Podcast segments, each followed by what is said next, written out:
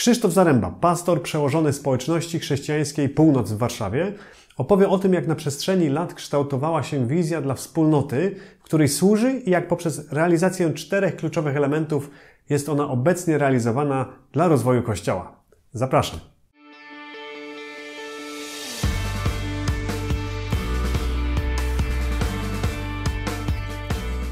Zostałem poproszony, żeby mówić o, o wizji przez chwilę.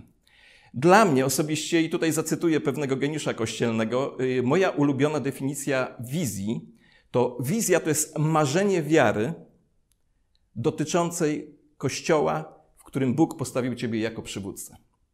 I to mi, ta, ta definicja mi otwiera przede mną wiele rzeczy. Marzenie wiary, który, które, jest, yy, które Bóg dał Tobie dla Kościoła, którym przewodzisz. I yy, wizja, którą my mamy w społeczności chrześcijańskiej Północ, ona klarowała się przez wiele lat. To nie jest tak, że myśmy któregoś pięknego dnia, jak pastor Bański postanowił, że będziemy kościołem, zebraliśmy się i mieliśmy objawienie do końca wizji. Ona się klarowała przez całe nasze y, funkcjonowanie, ona do dzisiaj się klaruje, ale mniej więcej wygląda ona w następujący sposób. Skoro wizja jest marzeniem wiary dla kościoła, w którym jestem przywódcą, a wiemy, że wiara pochodzi ze słuchania Bożego Słowa, to wizja musi być zakorzeniona w Bożym Słowie. I jeden, jeden z takich fragmentów który, y, Bożego Słowa, który do nas mocno przemawia w Kościele, to jest fragment z modlitwy y, Pana Jezusa Chrystusa, którą uczył nas Pan Jezus Chrystus, modlitwy pańskiej. I ten fragment brzmi, jak w niebie, tak i na ziemi. Przyjdź królestwo Twoje, bądź wola Twoja, jak w niebie, tak i na ziemi. Stąd też chrześcijańska społeczność y, północ istnieje po to, by rozszerzać Królestwo Boże na ziemi. To jest takie nasze zdanie kluczowe rozszerzać Królestwo Boże na ziemi. Druga ważna, stąd też zawsze zadajemy pytanie, a jaki jest y, słowo dla Ciebie, które jest fundamentem dla Twojej wizji? Bo wizja musi być zakorzeniona w Bożym Słowie, jeśli jest marzeniem wiary, a wiara, jak już mówiłem, pochodzi ze słuchania Bożego Słowa. Y, drugą rzeczą dla nas taką istotną było też odkrycie y, naszego zrozumienia Kościoła. Bo w wizji niezwykle ważne jest to, w jaki sposób pojmujemy Kościół. I dla nas, gdy, gdy pochylamy się nad Bożym Słowem, to y, widzimy, że Kościół to są ludzie, których Bóg wywołał z tego świata, by w autorytecie Jezusa Chrystusa przemieniali ten świat i każdy aspekt jego funkcjonowania. Wierzymy, że Kościół został po to powołany, żeby przemieniać ten świat, który, który jest przez nas zastany Inaczej mówiąc, chcemy wpływać na świat polityki, prawa, oświaty, edukacji, kultury, muzyki, rozrywki, na wszystkie jego aspekty, ponieważ w taki sposób pojmujemy Kościół, że Kościół ma autorytet do tego, żeby przemieniać ten świat ze względu na Pana Jezusa Chrystusa. I yy, zaczepnęliśmy to po prostu z, z, tej definicji Kościoła. Kiedy Jezus powiedział, zbuduję mój Kościół, to nie użył terminu, który był niezrozumiały w tamtych czasach, tylko użył określenia, które jest zrozumiałe. Dla, w tamtych czasach eklezja, Kościół, to była grupa ludzi, która została wywołana z pozycji y, zwykłych obywateli do tak zwanego w cudzysłowie powiem terminologią jednej z organizacji religijnych ciała kierowniczego, y, a w zasadzie wpływ, y, y, dzisiaj byśmy powiedzieli zarządu szkoły, Sejmu, Senatu czy tak dalej, by wpływać na, na rzeczy, które są związane, w których, wśród których się poruszamy. Stąd też pierwsza rzecz, Boże Słowo, które było dla nas objawieniem do tego, że istniejemy po to, żeby rozszerzać Królestwo Boże. Druga dla nas rzecz, rzecz ważna to jest zdefiniowanie Kościoła. Jak rozumiemy Kościół? A rozumiemy go właśnie jako ludzi, których rolą jest przemienianie zastanej rzeczywistości według wzorca, który czerpiemy od naszego Pana i Zbawiciela Jezusa Chrystusa. Mamy też świadomość tego, i to wyczytaliśmy w mądrych książkach, ale też do, do, dotarło to do nas, y, gdy zaczęliśmy budować naszą wspólnotę. Dotarło do nas, że niezwykle ważną rzeczą, gdy mówimy o wizji, jest zadbanie o zdrowie, o zdrowie naszego kościoła. I mamy kilka takich rzeczy, które dla nas są fundamentalne, jeśli chodzi o zadbanie o zdrowie. Pierwsza rzecz to jest, y, tam, znacie ten fragment w dziejach apostolskich, tymczasem Kościół i on się kończy, pomnażał się. I dla nas między tymi, tymczasem Kościół a pomnażał się są wymienione rzeczy, yy, które, które mówią o tym, yy, w jaki sposób zadbać o zdrowie. Tymczasem Kościół, budując się, trwając w bojaźni, i będąc wspomagany przez Ducha Świętego, pomnażał się. Tam są cztery rzeczy dokładnie wymienione. I dla nas te cztery rzeczy są fundamentalne, ponieważ wierzymy w to, że dbanie o zdrowie kościoła lokalnego wzmacnia naszą wizję.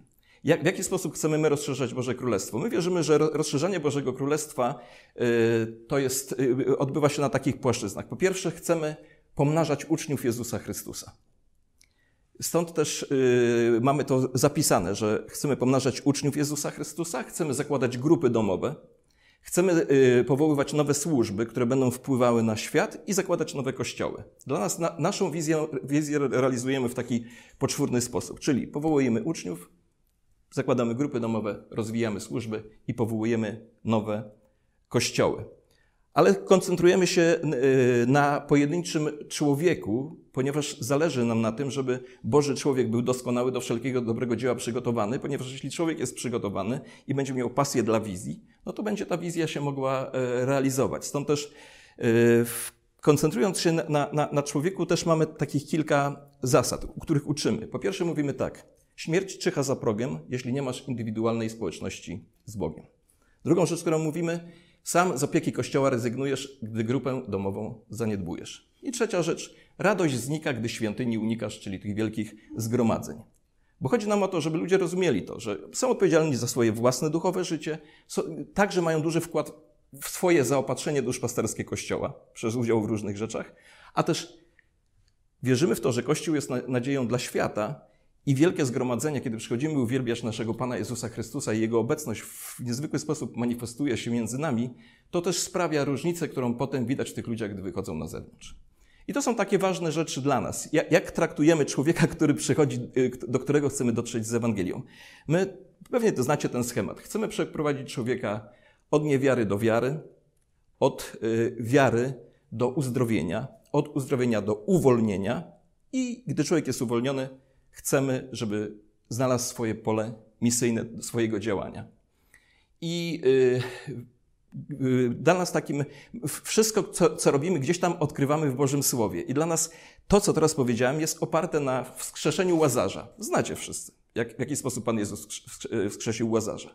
Po pierwsze, yy, został przyprowadzony przez kogoś do grobu Łazarza, więc my chcemy Pana Jezusa przyprowadzać do ludzi lub ludzi przyprowadzać do Pana Jezusa. Po drugie, tam był, jest ten element odwalenia kamienia i my wierzymy, że to jest nasza odpowiedzialność, że Kościół musi usunąć wszelkie przeszkody pomiędzy głosem wskrzeszającym Pana Jezusa a martwym człowiekiem.